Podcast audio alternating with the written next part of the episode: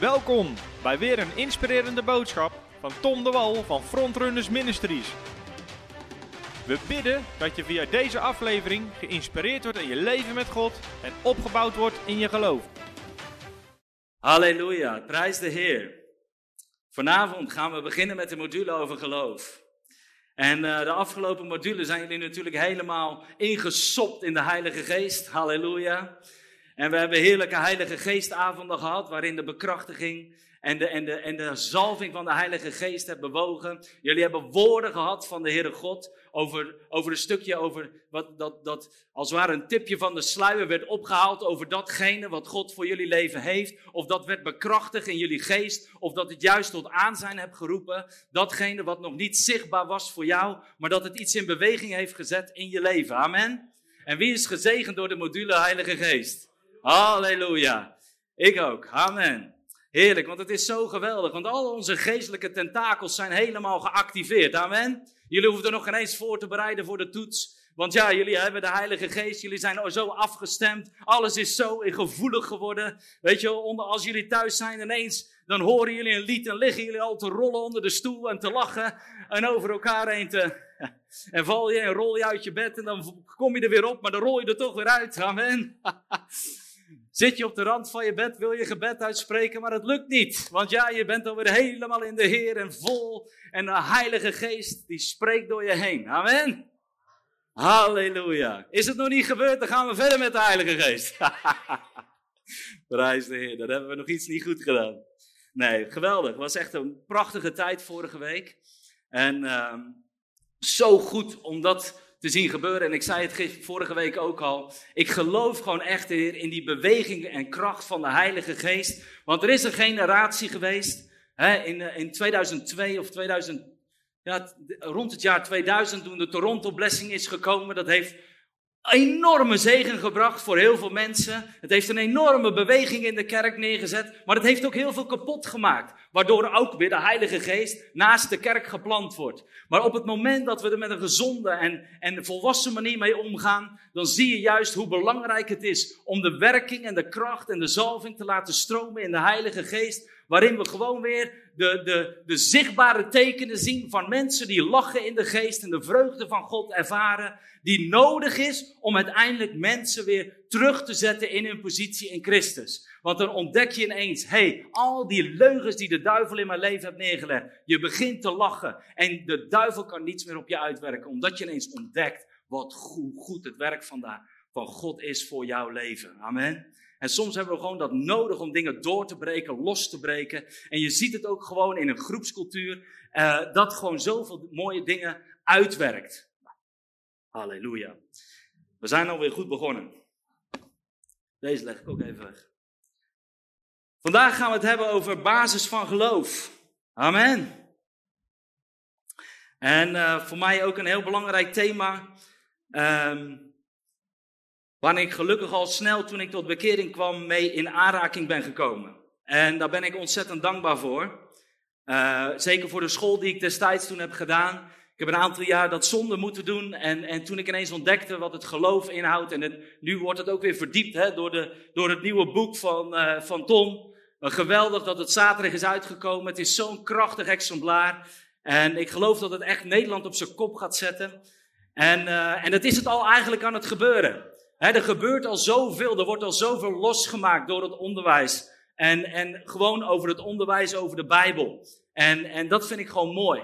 Weet je, dat God weer terug aan het brengen is datgene wat we zo hebben verloren in de kerk. We kunnen er een show van maken, we kunnen er alles van maken wat we zelf willen. Maar dit is, het brengt ons in het bovennatuurlijke van wat God wil geven.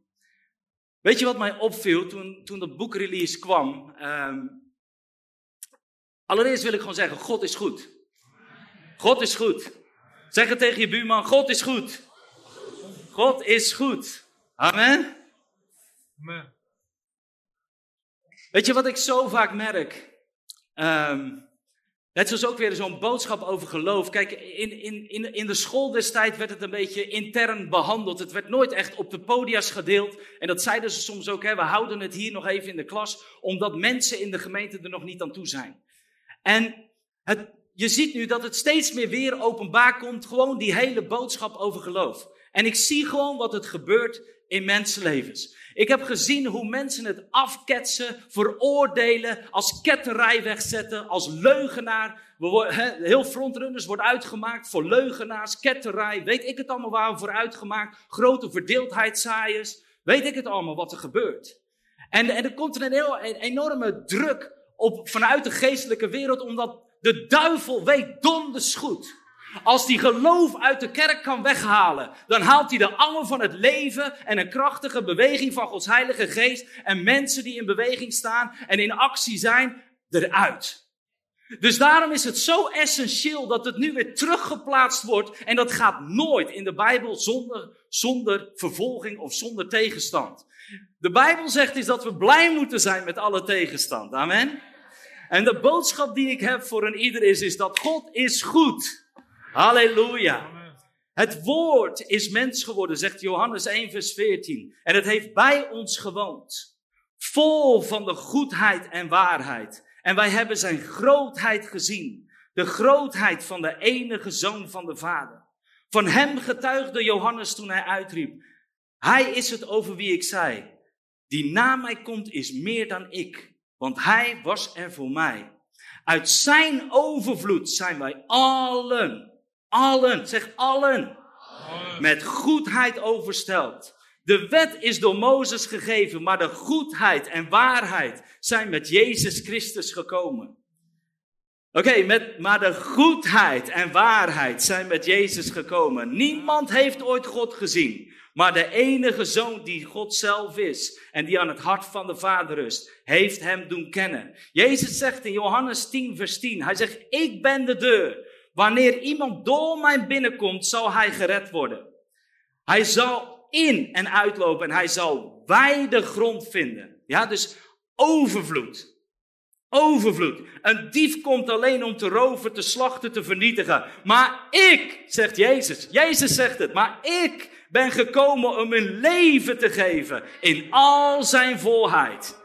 Halleluja. Johannes 14, vers 7 en 9. Als jullie mij kennen, zullen jullie ook mijn vader kennen. En vanaf nu kennen jullie hem. Want jullie hebben hem zelf gezien. Daarop zei Filippus, laat ons de vader zien, Heer. Meer verlangen we niet. Jezus zei, ik ben nu al zo lang bij jullie. En nog ken je me niet, Filippus. Wie mij gezien heeft, heeft de vader gezien. Vraag je dan om de vader te mogen zien? Weet je wat het is? Dit is zo essentieel. Als je kijkt naar toen Jezus ten tonele kwam, hij kwam om het hart van de Vader te openbaren. Hij kwam om het hart van de Vader te openbaren. En alles wat hij in het Nieuwe Testament heeft gedaan, dat is zichtbare uiting van het hart en van de liefde en van de goedheid van God. Alles. Dus alle massagenezingen die daar waren. Hij genas iedere ziekte en elke kwaal. Hele pleinen kwamen vol te liggen. Als het niet van God was, als deze, datgene wat Jezus predikte over geloof, over leven, over eh, genezing, over bevrijding. Als het niet van God was, dan had nooit de pleinen volgelegen. Dan had een enkeling genezen geworden, omdat het er niet om draaide. Nee, maar wat Jezus deed, of wat de mensen mochten doen, is in overvloed de pleinen volleggen. Hele gebieden werden uitgestrekt en die liepen uit naar de samenkomsten van Jezus. Welvaartspredikers, want het gaat er allemaal over dat. Nee, het gaat erover is dat zijn hart is openbaar gekomen. Het doel van de Heer Jezus is om de goedheid van de Vader te openbaren. Halleluja. Draagbedden werden neergelegd op alle pleinen. Aan de voeten van Jezus. Ze lagen het gewoon klaar. Op, om, zodat, weet je, hij bouwde gewoon aan systemen. Omdat er zoveel mensen waren die de zegen van God nodig hadden. En God, er was niemand die uit de hemel kwam en zei: Jezus moet even rustig aan doen, want daar leggen ze heel die pleinen vol, daar moet je niet naartoe gaan. Nee, juist niet. Jezus zei, ik ga niet meer hier, ik ga naar daar, want daar moet ik zijn, want ik, moet, ik ben gekomen om overvloed te brengen en om de zegen van de Vader op elke plek in Israël te brengen. Want dat is wat zijn hart was, dat is waarvoor hij gekomen is. Hij is gekomen om zijn goedheid te laten zien. Hele dorpen werden bevrijd en genezen. Hele horden mensen van heine en ver kwamen om te ontvangen. Ze kwamen om het werkelijke hart van de Vader te zien. En mensen kwamen tot geloof, werden getransformeerd en zij vormden het eerste fundament voor een krachtige gemeente. Zij die Jezus hebben gezien, zij die hebben gezien dat Jezus is gekomen, niet om een theologie neer te zetten of een, of een moeilijk uh, zelfbedachte, uh, weet ik het, een hele religie neer te zetten. Maar hij kwam daar om juist het leven en in overvloed terug te brengen bij de mensen die het hadden verloren, om de werken van de duivel te verbreken, zodat wij het leven, leven weer mogen pakken. Weet je wel, en er is geen veroordeling. Weet je wel, er, is, er zijn zoveel mensen die pakken het dan als oordeel, maar het is de liefde van God die door het geloof dat we kunnen gaan ontvangen datgene wat God wilde geven aan de mens. God is goed. Amen. Hij is gekomen allereerst om zijn goedheid. En het probleem van het hele basisgeloof, want vanavond hebben we over de basis van geloof. Weet je waar voor mij de basis van het geloof begint? Is, een verkeerd, is juist een verkeerd godsbeeld of een goed godsbeeld. Als je niet het juiste beeld hebt van God, als je niet met de juiste ogen kan kijken naar God, dan kun je niet op de juiste manier geloven. En kun je niet op de juiste manier gaan ontvangen. En kun je ook niet op de juiste manier in het leven gaan wandelen. Want je wandelt dan in een kramp. En dat is wat ik elke keer zie op het moment dat de boodschap van geloof. Ik heb een gemeente geleid waarin je dat altijd weer terugziet. Mensen ketsen af. Ze pakken het en ineens komt er een situatie die iets tegenspreekt. En ze ketsen het af. Oh, dan heb ik dus niet genoeg geloof. Oordeel. Oordeel. En ze ketsen het af en ze schieten weer terug in daar waar ze zijn, het bekende spoortje. En er moet een krachtige verandering komen. En dat is ook wat we in de school doen. Dat is ook waarom dat we bediening doen. Het woord en de bediening. De geest, het woord en de geest. Want als die twee in balans zijn, dan heb je een krachtige bouwgrond waarop je, waarop je een geloof kan gebouwd worden. Want weet je, soms hebben onze gedachten en ons beeld heeft een wasmachine nodig. Amen? Het moet schoongewassen worden. Het moet soms even. Daarom ben ik ook, weet je, we hebben natuurlijk nu de Faith School, we hebben een boek. En dan denk je van ja, waarom gaan we nu een module? Dat is niet echt een goed punt om een module te starten over geloof in een Bijbelschool. Het is het perfecte moment. Want weet je, we moeten juist het blijven prediken. Het blijven prediken. En misschien denken, ja, maar dat weet ik nu al. Ik heb het in het boek gelezen. Of ik heb het al gehoord via de Faith School. Dat kan best, maar dan hoor je het nog een keer. Want op het moment dat je het nog een keer gooit, gaat het weer vermenigvuldigen in je hart. Gaat het groter worden. Dus ik wil echt benadrukken, ik snap het. Want ik kan het zelf ook, bij uitdaging ligt er ook. Ik heb het al, ik weet het al. Ja, met hier. Maar God wil dat we het laten zakken naar ons hart. God wil dat we het blijven horen, blijven horen. Jezus heeft drie jaar niet anders gedaan, alleen maar het koninkrijk van God gepredikt. Denk je dat het altijd elke dag vernieuwend was? Nee, het was een herhaling van zetten. Maar door die herhaling kwamen er nieuwe sporen. Een soort wasmachine die draaide. En er kwamen nieuwe sporen, waardoor geloof krachtig gebouwd kon worden. En waardoor die discipelen ook klaar waren om geactiveerd te worden. Halleluja. We zijn goed begonnen, amen. Halleluja. Prijs de Heer. Jezus, Johannes 14, vers 12. Johannes 14, vers 12 zegt dat wij de werken van Jezus zouden gaan doen voor allen die geloven. Amen. Wij zouden dezelfde of grotere werken gaan doen. Amen. Jij gaat grotere werken doen.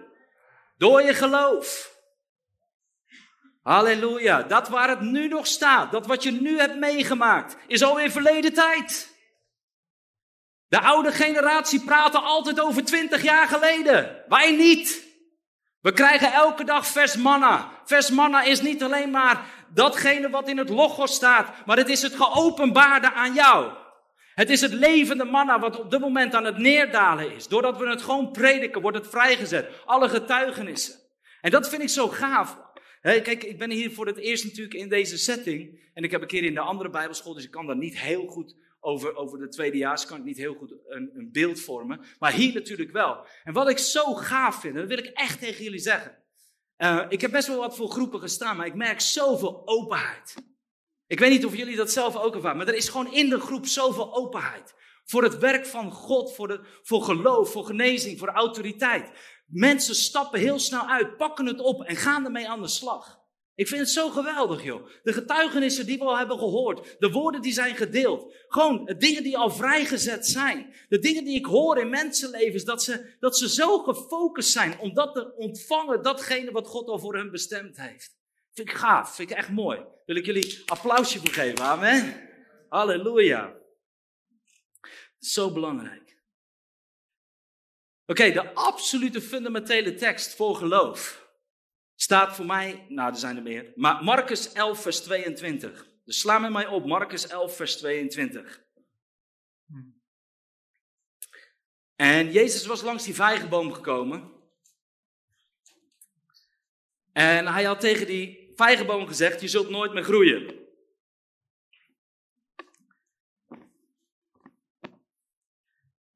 Het is de kracht van woorden. En natuurlijk heeft dat een hele diepe betekenis, een meerdere, meer, heeft gewoon een hele diepe betekenis, zeker op Israël. En het heeft allemaal te maken met de vijgenboom over Israël, over wat er gaat gebeuren en wat God gaat doen. En dan zegt hij, kijk, de vijgenboom die je vervloekt hebt, is verdord. Jezus zei tegen hem, heb vertrouwen in God. Heb geloof in God, staat er in de andere vertaling. Heb geloof in God. Ik verzeker jullie. En hij zegt het dus op dat moment rechtstreeks naar hun toe. Hij zegt het rechtstreeks. Zegt, het is voor mij.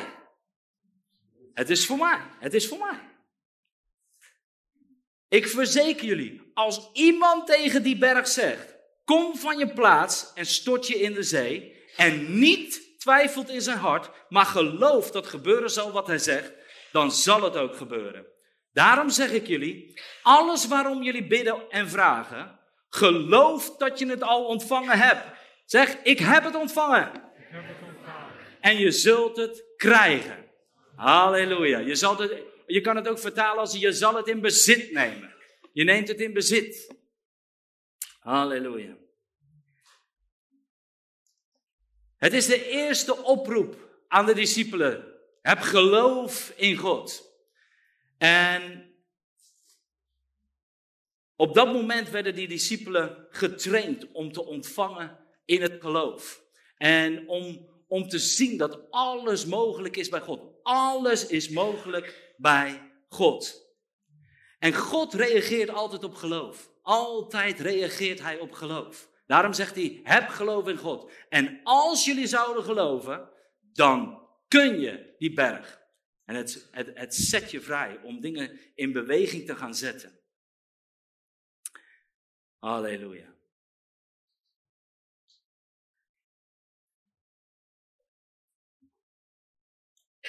Als ik praat over geloof en hoe enthousiast je er ook mee bezig bent, ik weet ook, ook hier in de zaal, uh, dat mensen soms een hele andere realiteit tot nu toe hebben. Waar ze gewoon elke dag mee te knokken hebben of waar ze tegenaan lopen. En dat is goed om te weten, omdat er zijn ook fases. Mensen zijn er ook die dit in fases al ervaren. Weet je wel, dus sommigen die hebben het, die ervaren het eigenlijk nog niet, dus die hebben alleen die realiteit. En voor de rest ervaren ze, het is een soort box waarin ze leven. En sommigen die ervaren dat soms met fases of momenten. En sommigen die hebben gewoon al heel vaak dat ze merken van... hé, hey, mijn geloof werkt of mijn geloof verzet dat bergje of verzet die berg. Of, of, of er gebeurt gewoon heel veel als ik op het moment dat ik, dat ik ga uitstappen. En weet je, dat is ook gewoon... Dat wij mogen groeien in het woord van God. En de waarheid zal ons vrijmaken daarvan. Het zal ons helpen als we eh, het woord van God gaan pakken en gaan geloven, dat we gewoon steeds meer dat fundament gaan zien waarop het gebouwd gaat worden en waarop we door al die fases heen zullen gaan groeien. Amen.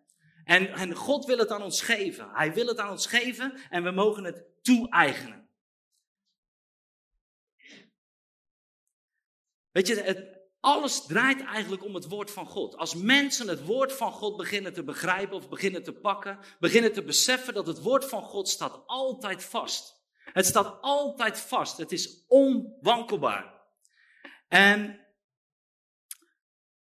het is goed om te weten dat alles begint als wij leren om de wil van God te kennen.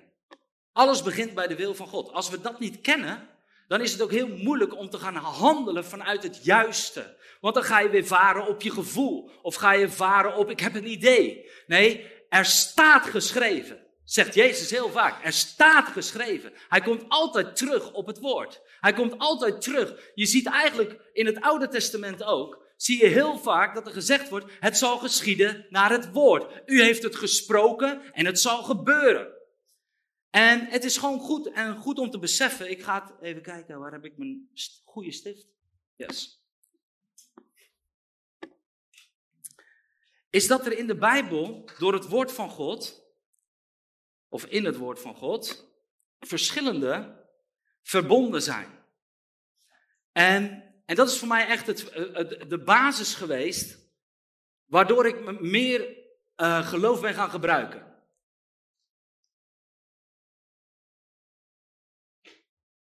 God sluit verbond met Noach. Hij sluit een verbond met Abra, ja, Abraham. Abraham. Mozes. Hij sluit een verbond. Ik doe het niet goed. Moet meer hierheen. Bij tekenkunst, hè? Een verbond met Noach. Halleluja. Uh, ja, Abraham. En dan komt Mozes. Na Mozes komt David.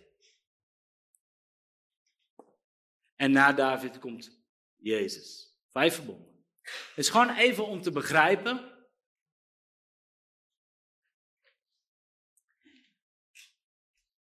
Eigenlijk wat je ziet, is dat elk verbond begint met een belofte. Belofte. Vervolgens, na die belofte, pakt hij dit in geloof. En doordat hij het in geloof pakt, komt daar de vervulling van dat woord. En wat er dan gebeurt, is dat hij gered werd. Redding. Staat in Genesis 6, vers 8. Daar sluit God met Noach een verbond. Hij doet een belofte. Hij zegt: bouw een ark en je zult gered worden. Maar moet je voorstellen, dat duurde nog 120 jaar. Het was kurkdroog en hij gaat een boot bouwen. Hij vertelt aan iedereen, God gaat water geven. Dan moet je geloof hebben, want hij werd belachelijk gemaakt. Belofte, woord, geloof, het ontstaat. Hij pakt het, hij gaat het doen, hij, hij zet het in actie. Er komt de vervulling van zijn geloof en vervolgens krijgt hij wat hem beloofd is. Abraham precies hetzelfde. Mozes precies hetzelfde. Maar Mozes werkt het nog anders. Daar zie je de belofte. Richtlijnen. Belofte, richtlijnen, zegen en vloek. En later zie je dat want Mozes staat altijd centraal in het Nieuwe Testament. Hè? Dat, dat uh, genade en waarheid, of uh, hij zegt, de wet is gekomen met Mozes, maar genade en waarheid zijn gekomen met Jezus Christus. Wat gebeurde er? Jozua, zijn opvolger, waar werkte dat toen? Was een belofte. Het enige manier hoe hij het land in bezit kon nemen, was door geloof. Dus dan zie je dat God die shift weer maakt, dat hij teruggaat naar het geloof. Abraham ontving alle beloften door het geloof. Waar David ontving het door het geloof. Hij sluit een verbond in 2, eh, in 2 Samuel 7, vers 8. Vanaf vers 8, het hele stuk. En dan zie je dus uiteindelijk wat zo mooi is bij David, wat ik net ook zei. Ik ga er even naartoe, 2 Samuel.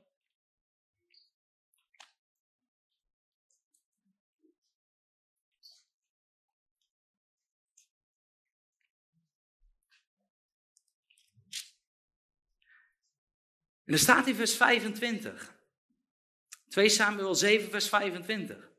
En dan staat er, nu dan heren, laat dit woord dat u over uw dienaar, over zijn huis gesproken hebt, voor eeuwig bestaan. En dat gaat daar over het verbond wat hij sluit met David. En doe zoals u gesproken hebt. En doe het zoals u gesproken hebt. Wat was de basis? Het was de belofte. En doe het zoals u het gesproken hebt. En ik geloof het. En hij heeft alles gereed gezet om, het, om de vervulling te laten komen. Dus wat gebeurde er? Deze is nog, misschien nog wel mooi, hè? als je verder leest in vers 28. Nu dan, heren, heren, u bent die God. Uw woorden zijn waarheid. En u hebt het goede tot uw dienaar gesproken. Uw woord is de waarheid. Het is het fundament van alles. Het is de beloftes die God heeft gegeven. En alle beloftes die wij hebben ontvangen in Christus. Beloftes. Wat we al gezien hebben toen Jezus aan het kruis ging. Die vijftien dingen die we toen hebben behandeld in de eerste module. Belofte. Geloof. Vervulling. Koningschap. Want dat was het doel. Dat wij zouden regeren als koningen. En dat we uiteindelijk op die manier het koninkrijk van God zouden bouwen. En hier zie je bij Mozes is dat de richtlijnen die hij kreeg. Hij wilde een volk. Hij had het geformeerd. Hij had het met Abraham door geloof voorbereid. Wat hij wilde was, hij wilde het volmaken met zijn glorie en zijn koninkrijk. Zijn wetten en zijn regels. De Torah is niet een verkeerd boek. De wet is niet wat God afkeurt. Het was goed, het was perfect, maar niet voor de mens. En de mens had nodig dat er iemand was die daar middelde en dat wij in geloof konden intappen zoals Abraham dat kon doen. En daardoor zijn we onderdeel geworden van alles wat God heeft gegeven. En daardoor kunnen we alles in geloof gaan ontvangen. Dus je ziet hoe, hoe God door de grote lijnen van de Bijbel. Dus daarom kan ik er niet tegen als ik op Facebook zie. Ja, ze halen alle, alle teksten uit hun context. Wat? Teksten uit de context. Moet je lezen. Belofte, geloof, vervulling, redding. God houdt altijd zijn woord, want het woord is de waarheid. David heeft, het, heeft zijn huis zien gebouwd worden en hij heeft het huis van God zien gebouwd worden, omdat God het had beloofd. En daardoor is het gestand gedaan. Was het zijn goede werken? Nee, want hij ging helemaal mis. Maar God hield zijn woord. En God is geen leugenaar. Het kan niet. Hij kon niet tegen zijn woord ingaan. Al zijn liefde heeft hij uitgestort in die verbonden. Hij heeft een verbond met ons gesloten door, door dat. Het enige wat, wat mensen in de kerk hoeven te doen, is te geloven. Maar de duivel is natuurlijk slim, want hij weet dat. Dus het eerste wat hij probeert, is een aanval te zetten bij mensen op hun geloof. En de krachtigste manier om mensen, te om mensen zeg maar, vast te zetten, is oordeel, controle en eigen werken.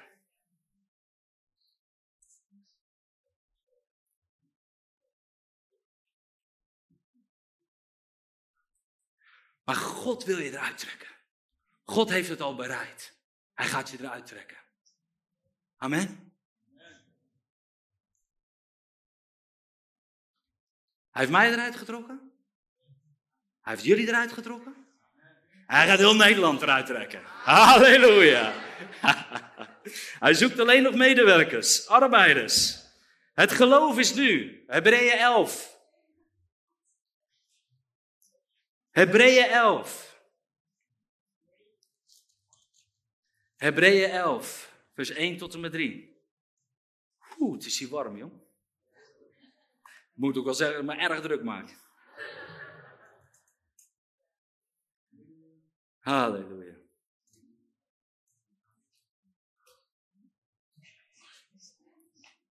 Vers 1, vanaf vers 1 tot en met 3. Het geloof legt dan de grondslag voor alles waarop we hopen. Het legt dus grondslag, dus alles begint bij hoop. En hoop legt de grondslag voor ons geloof. Het overtuigt ons van de waarheid van wat we niet zien. Om hun geloof werden de mensen uit vroegere tijden geprezen.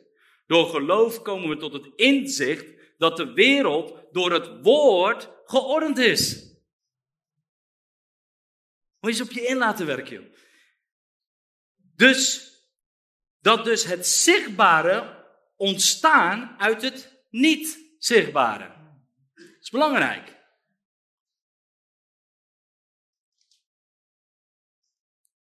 Oké, lees het eens voor jezelf. Gewoon, lees het eens voor jezelf. Maakt niet uit. HSV. HSV. En ik heb af en toe een eigen woord ertussen. Ik ben heel goed in Bijbel vertalen namelijk. Ik ben expert geworden. Ik, ben zelfs, ik heb een doctoraat gekregen. Halleluja. Niet van mensen, maar wel voor God. Halleluja. Oké. Okay.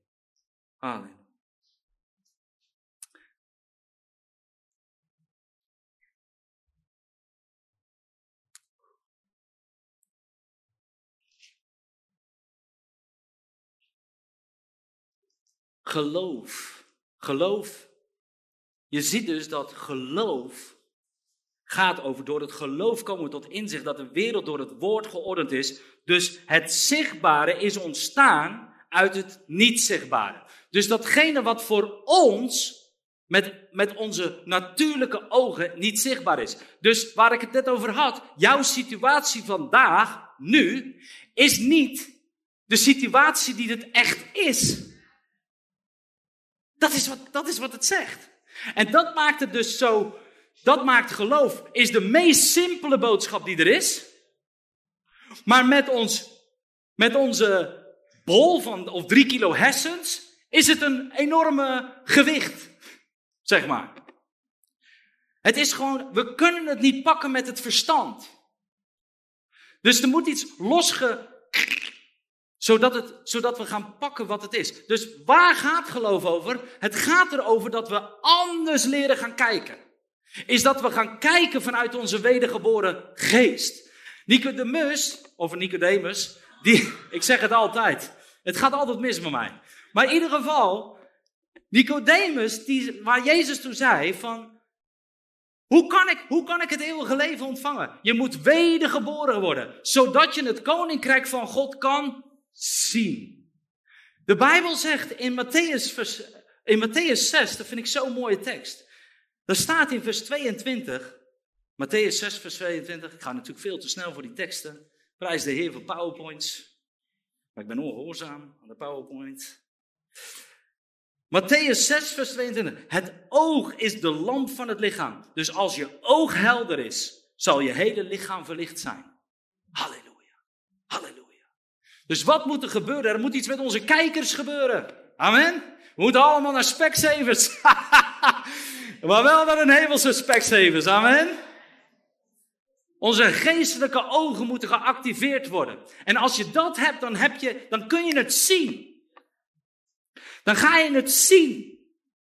En als je het onzichtbare ziet, datgene wat God in zijn woord heeft opgesloten, dan ligt daar bevrijding, dan ligt daar doorbraak, dan ligt daar genezing, dan ligt daar alles wat we nodig hebben voor de situatie om het te overwinnen. Het ligt er gewoon. Alleen, het is zo, is dat we het nog niet altijd zien, omdat we soms nog in verblindheid leven, omdat we gaan kijken op de situatie.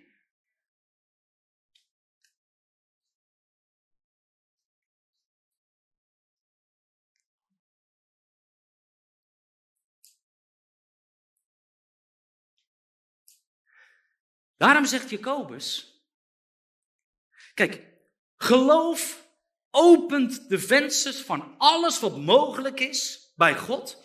Dat opent het voor je ogen waardoor je het kan zien. Twijfel, Jacobus 1 vers 6, dan zegt hij, als je twijfelt in je hart, dan moet je niet denken dat je dan nog iets ontvangt. Wat gebeurt er met twijfel? Het is iets zo van, het sluit je alle vensters van de hemel.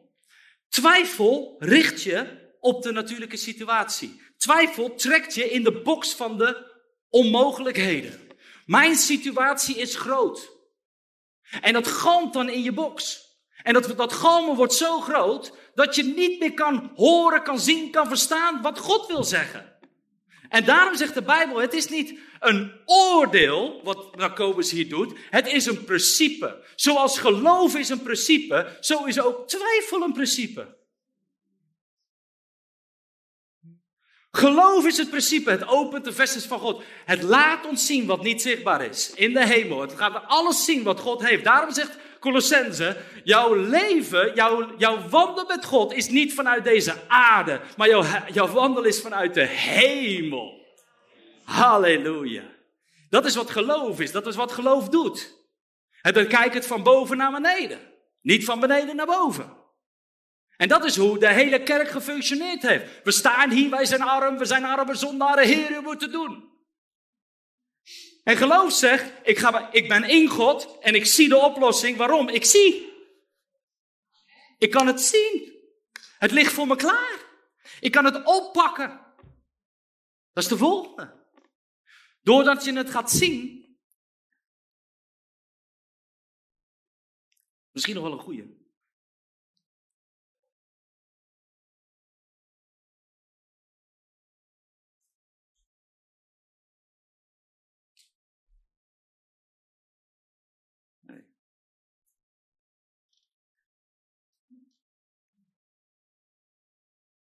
Schoot dat hem op. Halleluja. Oh ja. Heel vaak bij, dat heb ik op een gegeven moment geleerd. Kijk, ik ben zelf best wel, ik ben, ik ben heel empathisch. Dus ik vind het mooi om met mensen te praten en ik kan heel snel meevoelen met iemand wat hij heeft. En, en, en ik ben ook daar wel heel gevoelig voor. Ik kan echt met iemand oprecht meehuilen als iemand echt in nood is. Maar ik heb ook geleerd, met oog op het geloof, dan is het soms goed dat je mensen vraagt. Ook als mensen bij je komen, dan weet je soms niet altijd heel goed hoe je mensen dan moet helpen om in hun geloof dingen op te lossen. Toch? Het is toch heel vaak, ja, ja, ja, ja, ja, ja, ja, ja, ik hoor het, ik hoor het, ja, ja, ja, ja, ja, nou, kom op, hè, doorgaan. Weet je Maar het is mooi als je voor mensen helpt en teruggaat naar deze tekst en zegt, hé, hey, Luister, wat zie je? Zodat je ze helpt om te gaan zien. Want als ze het zelf kunnen zien, dan kunnen ze het grijpen. Maar op het moment dat ze dan gaan praten over, ja, maar ja, ja, de dokter heeft wel gezegd dat en dit heeft dat, dan weet je dat hun geestelijke ogen in die situatie niet open zijn. Ik zeg niet dat ze dan niet wedergeboren zijn. Ik zeg alleen dat ze voor die situatie hun ogen nog niet open gegaan zijn. Dus jouw eerste gebed is niet voor de oplossing, maar is dat hun, de ogen van hun hart open gaan. Want weet je, als jij het probleem gaat oplossen, dan gaan ze aan jou hangen. Dat wil je niet. We moeten mensen in hun kracht zetten. We moeten mensen activeren. Amen.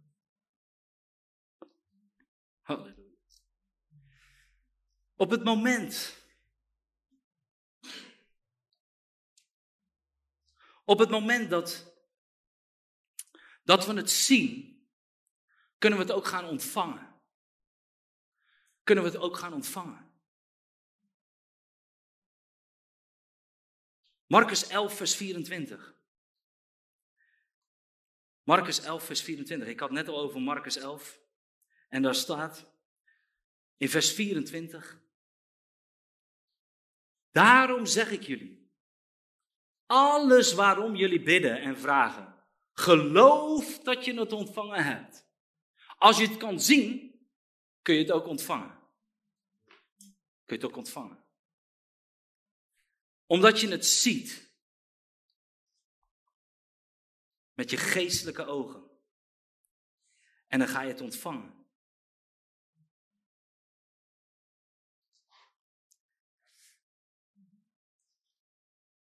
Hij zegt het ook in Johannes, in Johannes 14, die heb ik net ook al benoemd. Maar helemaal aan het einde van die tekst, dan zegt hij: Wat jullie ook maar vragen, ik zal het doen. En je kunt het ontvangen. Let op, alles wat jullie vragen, ik heb het al gedaan. En ontvang, ontvang het, want ik heb het al gedaan. Het was wel heel bizar in de tijd dat ik volganger was, zeker in het begin, was een hele onrustige periode. En wij werden altijd aangevallen op onze rust. Zeker in de begintijd, toen ik de gemeente binnenkwam. Je, je, je bent ambitieus, je wil wat. Je, je gaat en je gaat er 2, 4, 5, 600 procent voor. Dus je bent uren, uren, uren ben je aan het werk. Dag en nacht ben je daarmee bezig, zeven dagen per week. En op een gegeven moment merk je van, hè, zijn, zijn Meloes ook wel, joh, ik heb wel even behoefte aan rust. Ik zie je alleen maar rennen, rennen, rennen, rennen, maar we hebben ook een gezin samen. Dus we moeten ook eens de rust in gaan. En elke keer als wij dan op vakantie gingen, dan ging er iemand dood. Dus, maar ja, ik was nog niet in de fase dat ik het hele herderschap had overgedragen. Dus op een gegeven moment zei dus als Steven op vakantie gaat, is er uitkijken wie gaat het worden.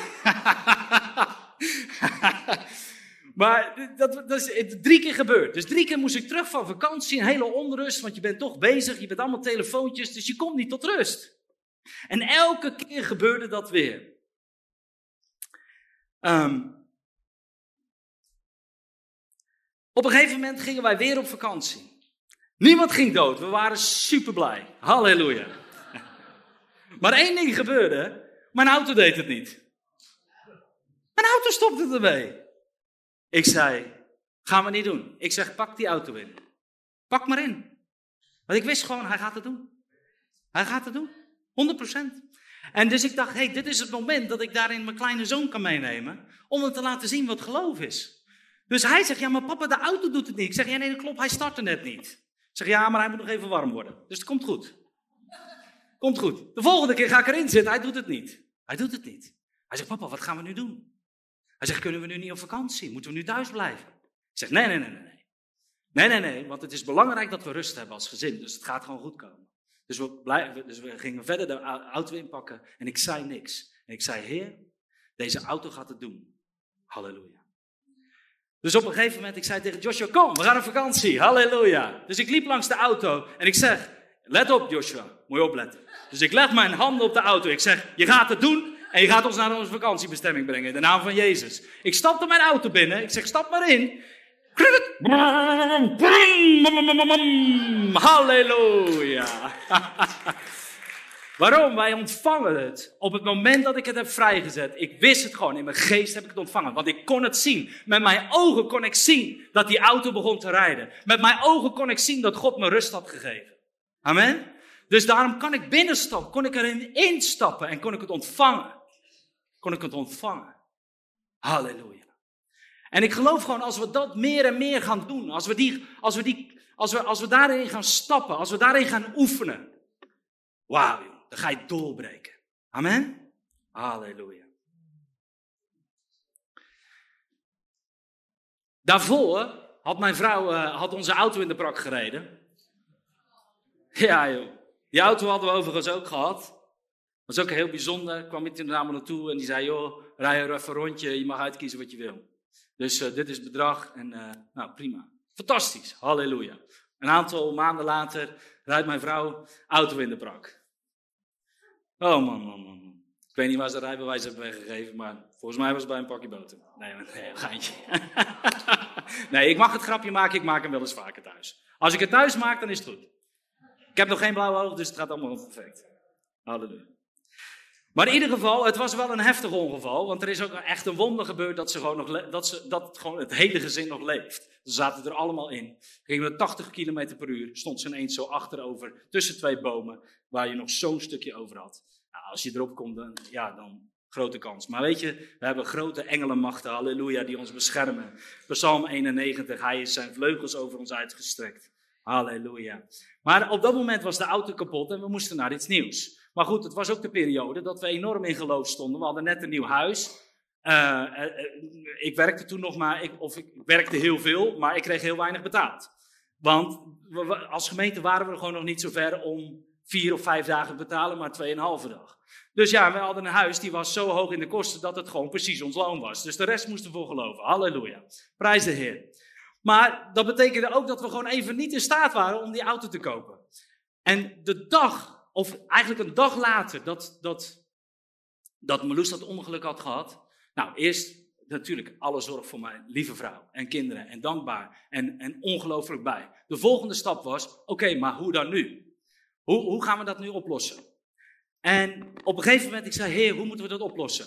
Die dag kreeg ik een belletje van een vriend van mij. Hij zegt, Stefan, moet je goed luisteren. Vannacht werd ik wakker en de Heer zei, alles wat de duivel van je hebt afgenomen, zal God beter teruggeven. Dus ik wist, dit is het woord van God. De belofte. Amen. Halleluja. En ik heb het ontvangen in geloof. Op een gegeven moment kwamen mensen, die komen dan met oplossingen. Ja, Stefan, uh, hier, mijn autogarageman, die zei, hier, kijk, heb een mooie auto, die krijg je van mij. Dan zou je denken, Steve, doe niet zo arrogant. Maar ik zei, nee, nee, nee, dit is niet, dit is niet wat ik moet hebben. Nou, iedereen zal wel blij zijn als hij een auto krijgt, amen? Maar ik moest deze weigeren. De volgende kwam, dat was gewoon een hartstikke mooie auto. Maar ik wist in mijn geest, dit is niet wat God me heeft laten zien. Dit is niet overeenkomstig het woord van God. En, en we zaten daar samen mee van, ja, ja, misschien moeten we gewoon dankbaar zijn, weet je. Zo zit je dan. Want ja, doe niet zo arrogant, joh. Je krijgt wat. Nou, dat is in Nederland al een wonder. nee, oké. Halleluja. Normaal krijg je een doosje messie. maar dan kun je niet op rijden. nee, ja, of je moet een beetje in het hogere spirituele komen waarschijnlijk. Maar, maar, maar, een week later belde mij iemand en toen zei hij, vannacht heeft, heeft, heeft God mij bezocht. En toen zei hij, die zei tegen mij, oké, wat ga jij eraan doen om Stefan te helpen? En toen wist hij, ik moet een groot offer gaan geven.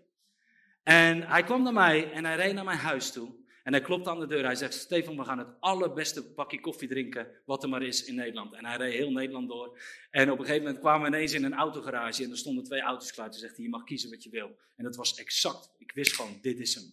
Halleluja. En dat is ook gewoon dat je gaat ontvangen. Dat je gaat ontvangen. Want je ziet en je pakt het. En je ontvangt het. En je neemt het in bezit. Amen. Dat is het principe van geloof. Het principe van geloof.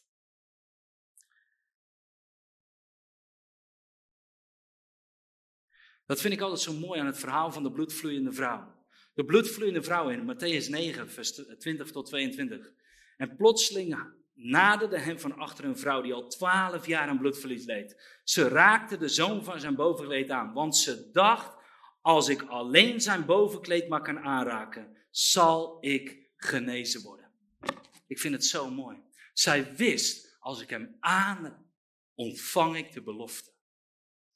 Ze kon het pakken, ze kon hem zien. Ze had het voor ogen en ze pakte het beet. Ze nam het in bezit en ze ontving haar volledige genezing. De kracht van geloof.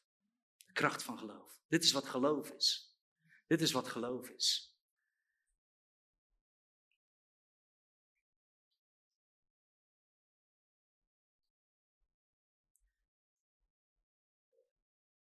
Geloof komt in actie. Geloof komt in actie. Lucas 17 vind ik zo mooi. Toen zei Jezus vanaf vers 17, Lucas 17 vanaf vers 17. En dan zei Jezus, zijn er niet tien gereinigd? Oh nee, wacht, sorry.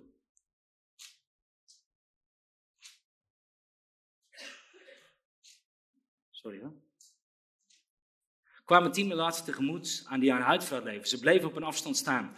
Ze verhieven hun stemmen en riepen: Jezus, meester, heb medelijden met ons. Toen hij hen zag, zei hij tegen hen: Ga u aan de priesters laten zien. En terwijl ze gingen, werden ze gereinigd. Dus op het woord van Jezus maakten zij de keuze om naar de tempel te lopen. En terwijl ze daar naartoe liepen, actie. Het in actie zetten. Het gewoon gaan doen. Weet je, ik heb zelfs mee, ik heb meegemaakt, ehm, zeker toen ik toen, uh, toen op bijbelschool, toen heb ik het gewoon heel veel geoefend. En um, op een gegeven moment hadden wij een leraar. En dat was een periode. Soms heb je gewoon periodes, heb je gekke dingen. Hetzelfde als dat Jezus ineens brood begint te vermenigvuldigen. Dan zou je denken, hij begint dat brood te vermenigvuldigen. Dat zijn gewoon honderden wonderen achter elkaar. Dat moet je eens voorstellen. Dus hij pakt een brood en het groeit weer aan. Hij pakt het brood en het groeit weer aan. Constant voor de ogen van die discipelen. Het blijft maar, het blijft maar gebeuren. En hij doet het gewoon op zijn geloof. Dus hij blijft gewoon breken, breken, breken, breken. En dan zou je denken, die menigte die had al lang genoeg. Maar hij maakte nog eens twaalf mannen vol. Wat voor mij, wat mijn openbaring ooit toen is geweest is, is altijd in mijn. Ik ben natuurlijk ook gewoon in de traditie opgegroeid. Dus ik dacht altijd. Dat, weet je, twaalf mannen vol. Waarom moet het altijd zo, zo veel, zo groot? Het kan toch ook met kleine dingen? Nee, maar ik heb geleerd. God is groter dan mijn hele context. Of mijn hele denken ooit kan bevatten. Of mijn hart kan pakken. Dus, dus God die deed twaalf mannen vol. Ik, wij waren op de Bijbelschool. Op een gegeven moment kwam daar een leraar. En die zei. Die had een wonder meegemaakt op straat. Waar dus een jongen een muntje tegen de muur zette. Zo, die pakte een muntje en die zei, let maar op, God bestaat. En hij zet hem tegen de muur en hij blijft hangen aan de muur. Nou, dat is nog eens de onzichtbare, amen. En die jongen die komt terstond tot geloof, die zegt, dit is waarheid. En uiteindelijk is hij nu een hele gemeente gestart. Amen. Gewoon puur door dat ene wonder. Maar wat natuurlijk leuk was, als God iets doet, dan wil hij dat overvloedig doen. Amen. Wie kent de tijd met de muntjes? Ja, ja, ja, Lambert, natuurlijk. Ja, ja, ja, wij hebben het thuis gedaan. Halleluja. Op een gegeven moment, ons hele huis hing helemaal vol met muntjes aan de muur. Iedereen die binnenkwam was gewoon, als die langs de muur liep, was hij multimiljonair. Halleluja. maar het zijn van die bizarre dingen waar God gewoon zijn grootheid wil laten zien. En het werkte puur door geloof. We konden zo op die manier ons geloof trainen. En muntjes, poep, en ze bleven gewoon hangen. En eerst dacht ik nog, ja, maar dat, dat, dat, dat heeft dan wel ergens magnetisch iets of zo, weet je wel. Dat moet dan. Nee, maar dat was niet zo. Want op een gegeven moment dacht ik, nou, als het dan op deze muur zo werkt, dan moet het ook tegen het plafond werken. En dat gebeurde. Ze hingen gewoon aan het plafond. God is goed, amen. Het maakt voor God niet uit. God kan alle wonderen doen. Als we maar willen op te staan. En in de werkingen van kracht en in de werkingen van geloof te gaan functioneren. Nou, we hebben natuurlijk verschillende soorten geloof. Maar het is gewoon gaaf om te zien dat als we in actie komen en die dingen gaan zien. Het is met ons natuurlijke verstand niet te beredeneren. Maar in het, wat is het voor God? Voor God is de zwaartekracht niks. Amen. Hij heeft de hemel en de aarde gemaakt. Hij kan daar zo een stop op zetten om gewoon zijn grootheid te laten zien. Wat was dat een mooie tijd, amen. Halleluja. Dus als we, als we gaan uitstappen in ons geloof. Het begint gewoon soms heel klein. De eerste keer dat ik moest geloven. Ik moest bij school komen. En ik wist, ik moest die dag echt zijn. Want ik had, we hadden toets. Dat weet ik nog. En ik was gestopt met werken. En Meloes werkte toen ook niet zoveel. En je weet hoe het gaat wij waren heel enthousiast in ons geloof. Dus we dachten, als we gewoon door blijven leven zoals we altijd deden, zonder te minderen met iets, dan nou, gaat het allemaal goed komen. Amen. Maar toen zagen we dus dat onze bankrekening begon te slinken. Amen. En toen konden we nog ineens een treinkaartje kopen. ah, leuk. Ik stond daar bij de trein, dus ik kon geen treinkaartje kopen. Ik dacht, nou, dit is een mooie les. Amen. dus dan moet het, heer, u moet voorzien in een treinkaartje. Ik zei, dank u heer, ik heb het al ontvangen. Vervolgens, ik, sta, ik deed net of dat ik bij die automaat zat, want anders denken mensen, wat staat die man daar te doen bij een station? Dus ik dacht, nou, ik doe maar iets, weet je wel. En op een gegeven moment, ik sta daar bij die trein, die trein die komt aan. Op een gegeven moment loopt er een meneer langs mij, hij zegt, hier meneer, alsjeblieft, hier heb mijn kaartje, ik moet snel weg. En ik had een praatje naar Rotterdam, halleluja. En het begint gewoon heel simpel, heel onbevangen. Maar uiteindelijk wist ik, hé, hey, God is mijn voorziener. Hij heeft het beloofd. Hij zijn woord zegt het. En ik ga het ook gewoon doen. Ik ga het in actie zetten. Ik ga in beweging komen. En ik ga het oppakken. En het doorbrak die situatie. En het bovennatuurlijke gebeurde. Was het heel groot? Nee, het was heel klein. Het ging om 8,95 euro. Halleluja. Maar dat is waar God weer wil gaan stretchen, wil gaan helpen. En voor de een die is al verder, die heeft al grotere dingen gezien. De andere die heeft nog misschien helemaal niks gezien en die staat aan het begin van de start. Maar dan is het vandaag het punt je wordt geactiveerd, amen. Je wordt geactiveerd. Halleluja. Dus leg je hand op je hart. Dank u Jezus. De ogen van je hart zullen opengaan voor elke situatie op dit moment. Zodat je het kan ontvangen, zodat je het kan in bezit kan nemen en dat je in actie kan komen om het te gaan pakken, om het door te gaan zetten en de kracht van God op dit moment gewoon in geloof te ontvangen datgene wat nodig is voor dit moment. En dat je het gaat ontvangen en dat de wonderen gaan komen en doorbraken gezien gaan worden. En dat Nederland zou weten dat Jezus goed is en groot is en niet veranderd is. Amen. Halleluja. We doen even een hele korte pauze en dan gaan we zo lekker verder.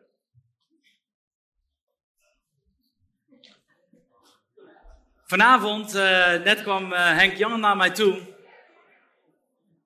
En hij vertelde dus, hij vertelde, ze zitten altijd hier trouw voor in. Prachtig stel, Jantine en Henk Jan. En zij zijn vandaag 14 jaar getrouwd, hè? En Henk Jan zei, je moet speciaal een applaus vragen voor uh, Jantine dat ze het al 14 jaar met me vol heeft gehouden. Prijs de Heer. Prachtig. Oké, we gaan uh, het laatste deel. We hebben nog een uh, half uurtje. Dus, en ik heb nog genoeg te delen. Ja, je verbaast je erover, hè? Jongen, jongen, jongen.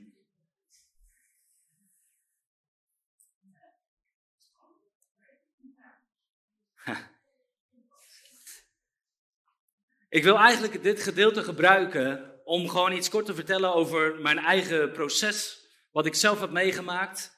Um, want dat is de andere kant. Hè? Dus je hebt de ene kant waar ik echt volledig in sta en dat is bam, rammen, die handel. De andere kant is, ik heb zelf een enorme worsteling gehad met mijn geloof toen ik ziek was. Dus, en toen ik voorganger was, was ik ook in de realiteit van het feit dat heel veel mensen in de gemeente worstelden elke dag met diezelfde dingen. En ik weet dat het als voorganger mij ook heel veel gedaan heeft, omdat ik ergens ben je empathisch en wil je de mensen echt helpen. De andere kant denk je, kom op, ram hem door in geloof en kom op, we gaan door. Weet je wel, stop nou eens even met dat geïrriteerd en altijd maar datzelfde probleem. Want er is een oplossing voor. Maar je moet mensen ook helpen om mee te nemen. Want als je elke week met elkaar optrekt, dan kun je, niet, dan kun je het niet altijd maar afdoen met, nou ja, uh, geloven en doorgaan. Weet je wel, dat, je moet mensen ook helpen, uh, trainen, naast hun staan. Er staat ook dingen over zorg en lijden met elkaar. Of tenminste, dat je, dat je naast elkaar gaat staan in het lijden. Dat je met elkaar gaat huilen, dat je naast elkaar gaat staan. Dus dat is heel belangrijk. Weet je, geloof is niet een ding dat je de ander moet opleggen. Je moet elkaar helpen en versterken en het activeren. Ja, dus dat is, dat is ongelooflijk belangrijk wat ik gezien heb in het gemeenteproces. Maar wat het altijd is geweest, is het altijd vanuit een herderlijke blik. En daar ben ik ontzettend in veranderd in mijn gemeentetijd. Is dat ik op een gegeven moment dacht, ja, maar het herderlijke is als het ware dat mensen niet verder komen. Ja, ze voelen empathie en ze voelen zich gedragen. Maar ze komen niet verder in die overwinning. Terwijl dat we al die liederen zingen. Jezus, u bent de overwinnaar. Maar waar, we zien het niet. En we hebben geen doorbraak. En op een gegeven moment wordt, dat, wordt het lauw. Wordt het, wordt het, gaat het stilstaan. En dat is, dat is ook belangrijk om dat gewoon te benoemen. En dat, het gewoon, dat, we, dat we gaan geloven en vertrouwen in het feit dat we in overwinning gaan staan. Dat we gaan leren om uit overwinning te gaan leven. Dat we gaan wandelen in overwinning.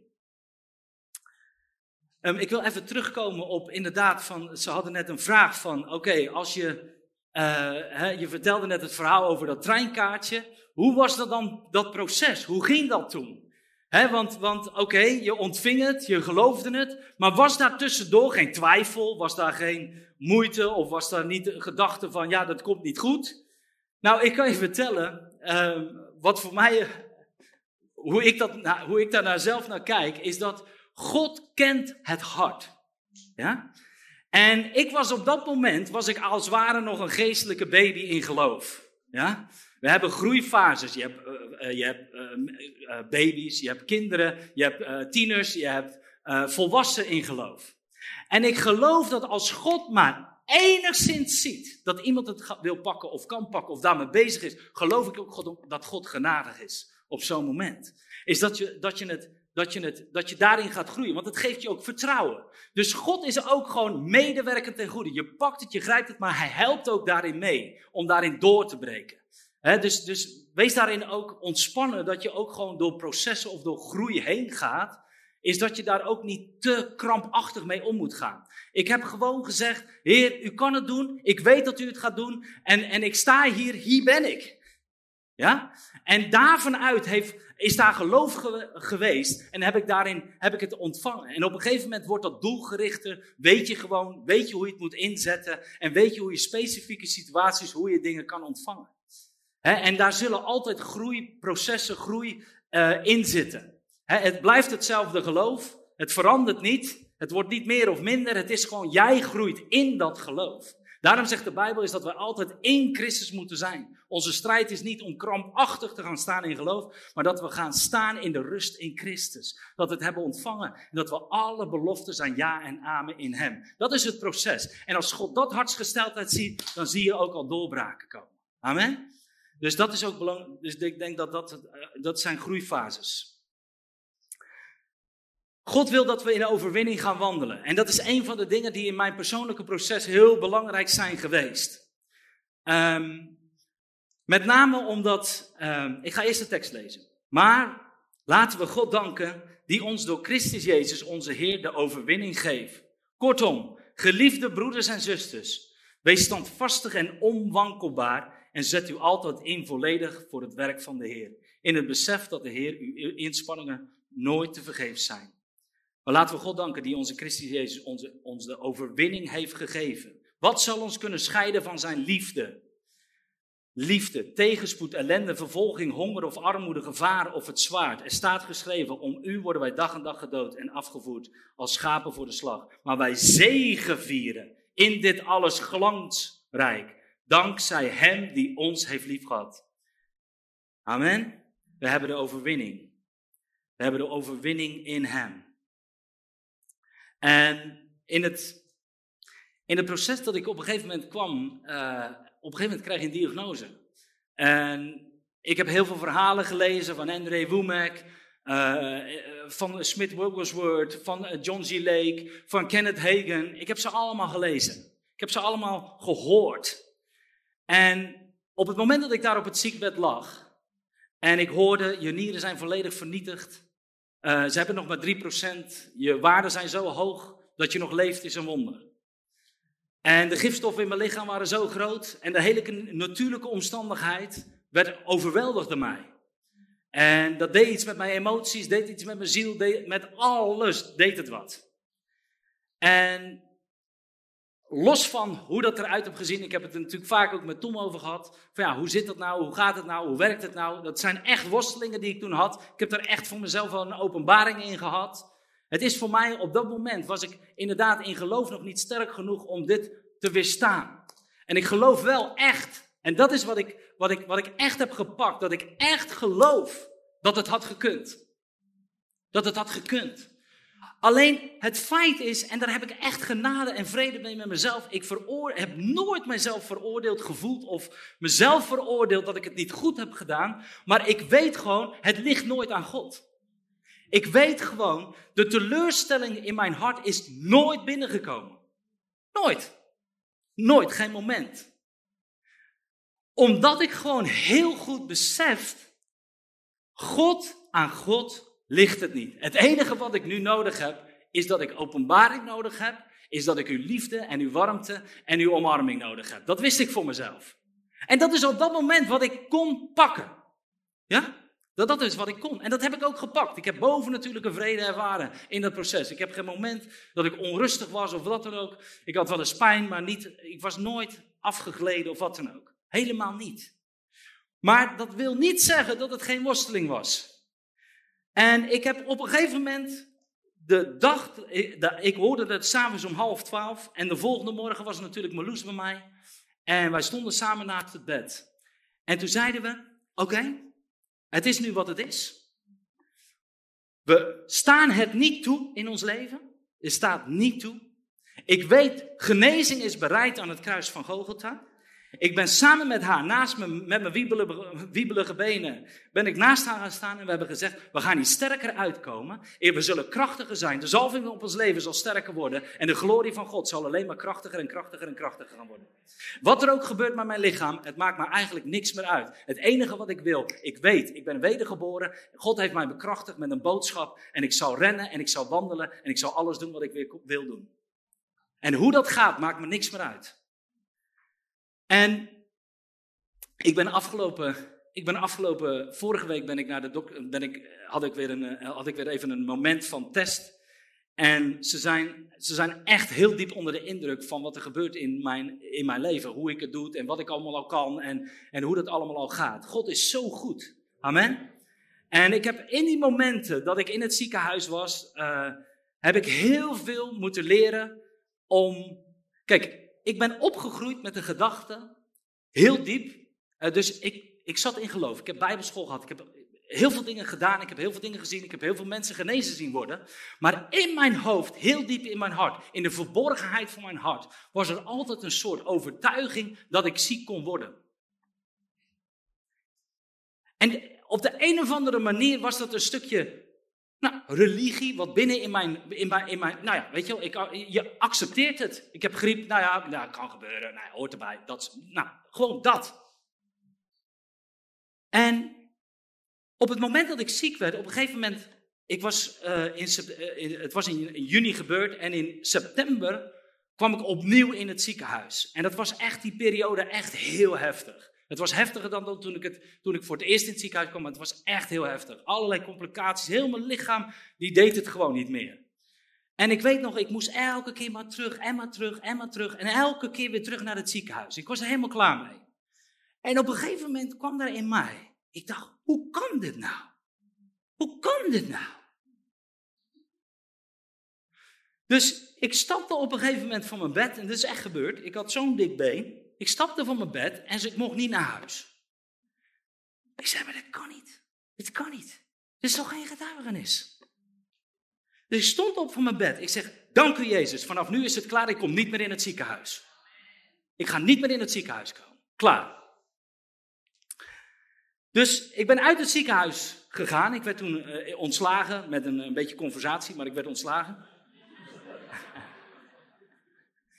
en ik werd eruit gehaald. En vervolgens ben ik vanaf september toen destijds tot aan mijn transplantatie ben ik niet meer opgenomen in het ziekenhuis.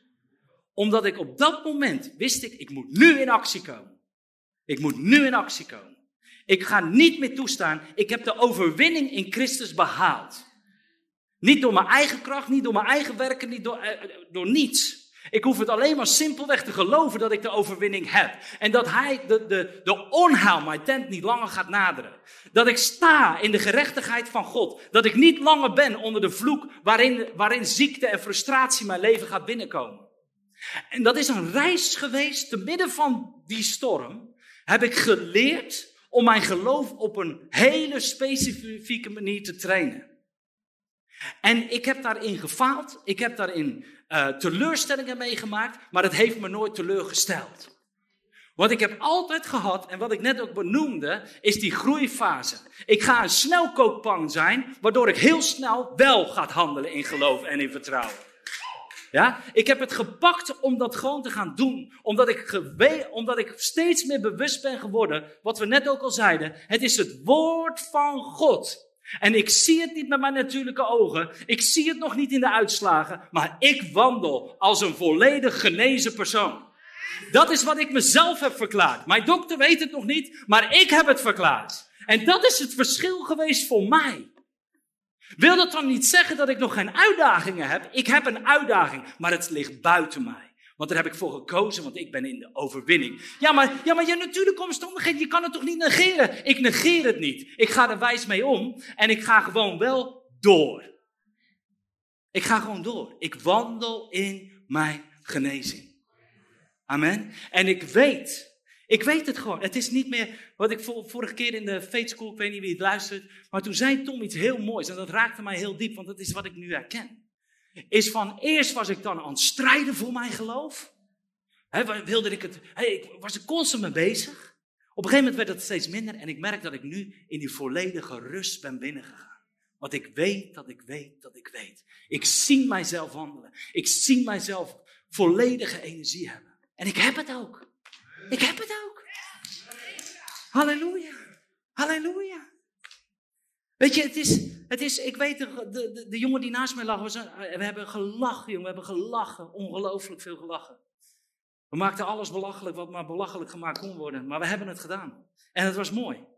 En het mooie is, hij was ook een gelovige, maar hij kan nog heel weinig. Hij heeft dezelfde waarden, dezelfde dingen, maar hij doet, hij, hij, voor hem is het nog een hele grote worsteling om een dag te werken. Man, ik werk soms al 60 uur. Halleluja. En dan heb ik ook gewoon nog mijn gezin en soms wakker liggen en dat soort dingen. Heb ik dan geen uitdaging? Ik heb een uitdaging. Maar dan rust ik een, een uurtje langer. No problem. Maar ik wandel in de, in de zegen die God heeft. En ik heb het ontvangen in mijn geloof. En toen kwam nog. Want dat heb ik al een hele tijd besloten. En toen ik in volgangerschap was, uh, toen ik vorig jaar nog volganger was, uh, ik was getransporteerd en, uh, of ik heb een niet-transportatie gehad. En zeg maar, vanaf eh, zeg maar mei tot en met afgelopen december, kwam ik eigenlijk, of ik was twee keer in de maand ziek, of ik lag één keer in het ziekenhuis. Want als ik koorts krijg, moet ik direct naar het ziekenhuis. En elke keer gebeurde dat, gebeurde dat, gebeurde dat. En op een gegeven moment was het december. En ik weet nog, ik had natuurlijk verteld dat ik weg zou gaan en Tom die zou komen spreken. Nou, dat was natuurlijk best wel beladen. Want Tom die, uh, voor sommigen voelden het als, Tom heeft mij weggerukt uit de gemeente. Maar het was echt 100% door een openbaring van God, anders had ik het nooit gedaan. Ik heb altijd gezegd, ik ga niet in. Ik ga niet zomaar voor je werken. Dat, dat, dat was gewoon nooit, we hebben gewoon een goede band met elkaar, we delen met elkaar. En that, that's it. Maar er was een openbaring van God en daardoor, nou, dat hebben we al eens verteld. En maar ik kwam toen in het ziekenhuis terecht. Ik kreeg echt een hele zware griep ineens. En ineens werd ik overvallen. Het was echt een aanval. En Tom die moest daar gaan spreken en het was best wel onrustig en het was echt wel lastig. En hij was best wel een beetje geïrriteerd. Dus toen ik zei, ja, sorry, sorry, ik kan er niks aan doen. Ik slik uh, immuunsuppressiva en dat, ja, dat haalt mijn weerstand omlaag. En dan bij elk dingetje, dan heb ik het. En toen zei hij, hij zegt, Stefan, stop er nou eens mee. Jij gelooft gewoon niet het goede. En toen wist ik, ik word nu geconfronteerd met iets van religie in mijn hart. Dat is wat ik altijd voor mezelf heb voorgenomen. Ja, het kan gebeuren. Ik zocht de excuses. En toen heb ik in december heb ik een keuze gemaakt. Ik, 1 januari begon ik bij Tom en ik zei, ik ga de komende drie maanden ga ik niet meer ziek worden. Het gaat niet met mijn tent naderen. En als het mijn tent nadert, pleur ik het mijn huis uit. Halleluja, we zijn vijf maanden verder. Ik ben niet ziek geweest. Helemaal niet. Waarom? Ik heb het in geloof, heb ik het leren ontvangen. Waarom? Mijn woord zegt, ik heb de overwinning behaald. En de duivel heeft niet langer het recht om mijn leven binnen te stappen. Ik predik datgene, maar ik kon het niet in de praktijk brengen. En lieve mensen, dit is gewoon voor heel veel christenen de, de, realiteit. Maar lieve mensen, ik wil je bemoedigen. Ik wil je aanmoedigen. Strijd de goede strijd van het geloof. Want de duivel wil dat uit je leven rukken, zodat hij alles kan doen wat hij wil. Maar het is afgelopen.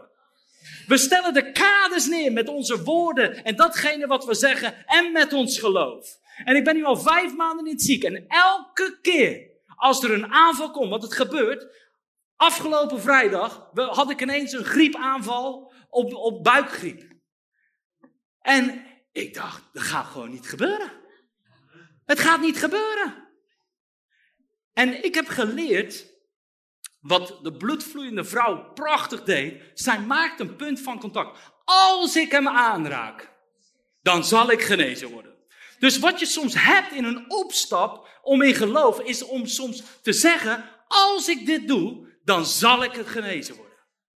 Dus op een gegeven moment, ik had een, ik had een stuk muziek gevonden, en dat is geloofsmuziek, over, over gewoon healing anointing. En elke keer als ik aangevallen word, ga ik een half uur ga ik luisteren. En ik weet, nadat ik heb uitgezet, dan ben ik gezond en wandel ik door, heb ik nergens last meer van. En elke keer, vijf keer, griep, aanval in mijn neus, dit, dat, pijn in mijn lichaam. Ik pak dat ding ik zeg dank u Jezus. Als ik het heb geluisterd, dan ben ik genezen. Want ik heb uw woord in me genomen. En het woord zal doen wat u behaagt. Het zal genezen en het zal van me verwijderen. Want ik wandel in overwinning en in leven en in kracht. Ik zal de dagen afronden in volle glorie en in volle energie. In de naam van Jezus. En dat is wat ik heb geleerd in de worsteling. Door mijn pijn, door mijn verdriet, door alle dingen die niet goed gingen in het gezin. En alles wat er aan de ballen, ballast meekwam. Maar ik ben er doorheen gebroken. En weet je wat ik kan, dat kan jij ook. Amen? En datgene wat jij mee gaat maken met mensen om je heen. Jij weet, mensen kunnen doorbreken. Het is niet dat je mensen veroordeelt. Je helpt mensen om er van de religie uit te komen. En te gaan staan in het volbrachte werk van Jezus Christus. Halleluja! Halleluja. En daarin heb ik zo de liefde van God ervaren. Zo de kracht en de autoriteit en het leven van God. Maar het is wel echt een groeiproces geweest. Waarin ik heb geleerd om te stappen in mijn geloof. En actie te maken. En ook gewoon heel realistisch te zijn. Want dat is wat mensen ook gewoon reflecteren.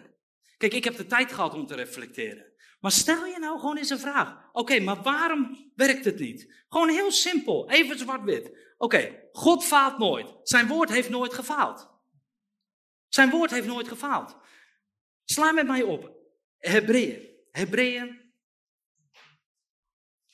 Kom ineens in mijn geest. Want we lezen altijd vers 1 en 3. Maar nooit de rest. Bijna nooit.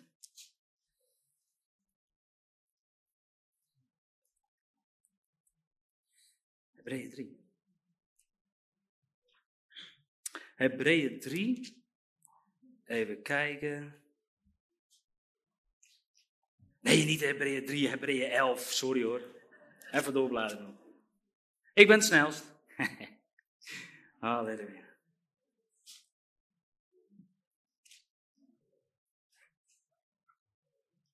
Ja, ik ben bezig.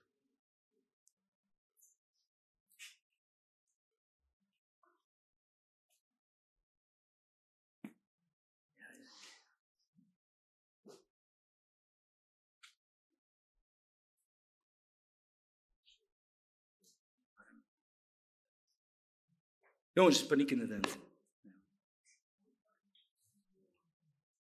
Ja, vers 32. Vers 32, ja. En wat? En dan gaat het dus over, dan is het constant bevestigd wat hij in, in 1 en 3 heeft gezegd. En dan staat er, en wat zal ik nog meer zeggen? Want de tijd ontbreekt om mij te vertellen over Gideon, Barak, Simpson, Jefta, David en Samuel. En Rogier en Anna en Nathalie en Maria en Lambert en alle namen die er zijn. Halleluja. Waar ben ik? Zij hebben door het geloof koninkrijken overwonnen. Gerechtigheid in praktijk gebracht, beloften verkregen, muilen van leeuwen gesloten. Zij hebben de kracht van het vuur geblust. Zij hebben aan de scherpte van het zwaard ontkomen. Zij hebben in zwakheid kracht ontvangen. Ze zijn machtig geworden in de oorlog. Legers van vreemden hebben zij op de vlucht gejaagd. Halleluja. Dat is wat geloof doet. Als je in die overwinning begint te komen op basis van het woord van God. Waren hun grote mannen van God? Nee, ze hadden gewoon simpelweg geloof. Simpel. Staat er, hè? Ik bedoel, ik verzin het niet. Ze hebben het door het geloof gedaan. Halleluja. Oh, oh, oh, oh. Heerlijk. God is goed. God is goed.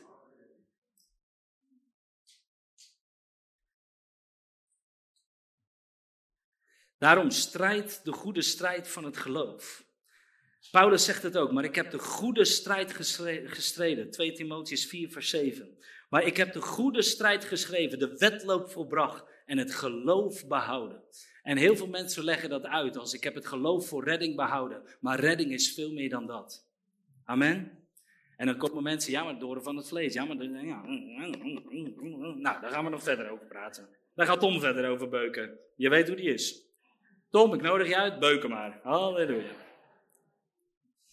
Weet je, ik heb hier een opmerking geplaatst, vind ik, vind ik heel mooi. Want het heeft ook gewoon te maken met heel veel keuzes die je gemaakt. Voor mij zijn hè, wandelen in overwinning, geloof en roeping. Weet je, als je gaat staan in je roeping, datgene wat God aan je heeft gegeven. Um, ik heb hier staan, geloof is een diep intern kompas in je leven, waarbij al je keuzes zullen voortkomen.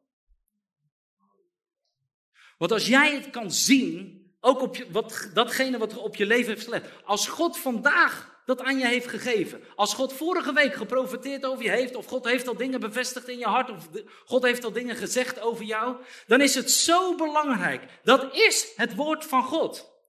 Timotheus werd over gezegd dat hij in zijn bestemming wandelde, doordat de oudsten op basis van zijn profetische woorden hem hebben vrijgezet, waardoor hij ook het woord onder zich had om in zijn bediening te wandelen. Heel veel mensen vergeten dat. Ja, ik ga gewoon mijn talenten uitwerken in de gemeente. Nee, het is een geloofsdaad wat je doet. Want dan krijg je iets kracht, dan krijg je het onzichtbare, ook al sta je bij het welkomsteam. Ze kunnen al vallen voordat ze de samenkomst binnenkomen.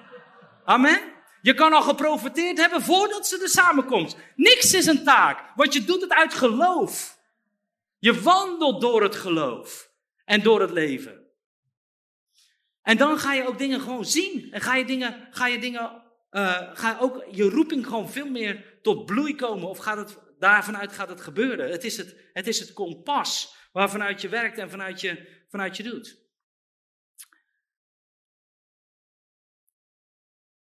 Een van de dingen die voor mij waarde gaven, is de tekst uit, uit Matthäus 7. Is Matthäus 7. Matthäus 7, vers 23 en, eh, tot en met 26. En dan staat er. En dan zal ik rechtuit zeggen: Ik heb jullie nooit gekend, weg met jullie wetsverkrachters. Nou, dat zegt hij niet tegen jullie. Wie deze woorden van mij hoort en eraan handelt, kan vergeleken worden met een verstandig man die zijn huis bouwde op een rots. Amen.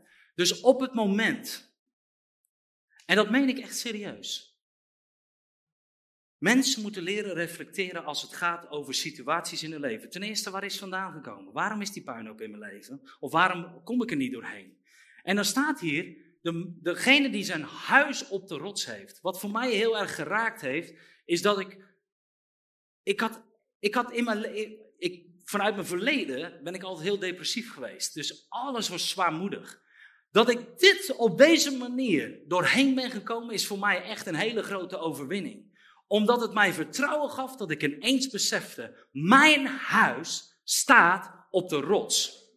Mijn huis staat op de rots. En ik hoop, en dat is ook, dat is ook waar ik je aan wil moedigen, als je gaat uitstappen in geloof, weet je gewoon, mijn huis staat op de rots. Ik ga overwinning naar overwinning naar overwinning. Mijn huis staat niet langer op het zand. Waarom? Ik heb gebouwd, ik heb gegraven, ik heb er iets mee gedaan. Ik heb er niet makkelijk over gedacht, maar ik heb, ik heb Heel veel mensen vinden eh, werken een lastig woord in de kerk. Voor mij is dat niet. Ik heb gewerkt in het woord van God. Ik heb mijn hart laten ploegen. Ik heb mijn leven laten ploegen om het zaad van God, het mosterdzaadje van God in mijn hart. En dat is maar blijven groeien en blijven groeien en blijven groeien. Amen. En dat is ook wat ik voor jullie toebid. Dat is wat jullie, waar ik jullie in zegen en in wil bemoedigen. Dat, weet je, als wij vasthouden aan het geloof wat God ons waar, waar God ons in uitgedaagd heeft, dan zullen we ook gaan zien wat Hij, want Hij is de voleinde van ons geloof, zegt Hebreeën. Hij is de voleinde van jou. Dat watgene wat Hij begonnen is in jou, dat zal Hij samen met jou gaan afmaken, omdat Hij is de voleinde van jouw geloof. Want Hij wil het. Hij weet dat het een principe is. En Hij weet ook dat er worstelingen zijn. De natuurlijke blikken. Kijk maar naar de discipelen. Hij vermenigt brood. En vervolgens staan ze bij een andere menigte en dan zeggen ze: We hebben geen brood meer. Dan heeft hij dat nogmaals gedaan. Zitten ze in de boot, er komt de storm. Hé, er is storm. U slaapt. Ja, omdat hij geloof heeft en jij niet. Dat was het probleem. Dus wij, wij zijn natuurlijke mensen, maar daarom is die wedergeboorte zo belangrijk, is dat je het gaat zien, gaat pakken en dan kun je het grijpen. Belofte, geloof, vervulling. Uiteindelijk datgene waar jij in geloof voor staat, zul je ontvangen door het geloof. Hallo, Tom de Wol hier en bedankt dat je weer geluisterd hebt naar onze podcast. Ik bid dat het je geloof gebouwd heeft en je bemoedigd bent. Als je niet alleen een luisteraar van onze boodschap wil zijn, maar ook een verspreider daarvan, wil ik je uitnodigen om partner te worden van Frontrunners. Door jouw maandelijkse donatie help je ons om dit evangelie van Jezus Christus en het woord van God over heel de aarde te brengen. Om partner te worden, ga naar www.frontrunnersministries.nl slash partners en word partner. Hartelijk bedankt en tot snel. Heb je ook zo genoten van deze inspirerende boodschap van Tom de Wal? Abonneer je dan op deze podcast. Volg ons op Facebook en op Instagram en kijk op onze website frontrunnersministries.nl.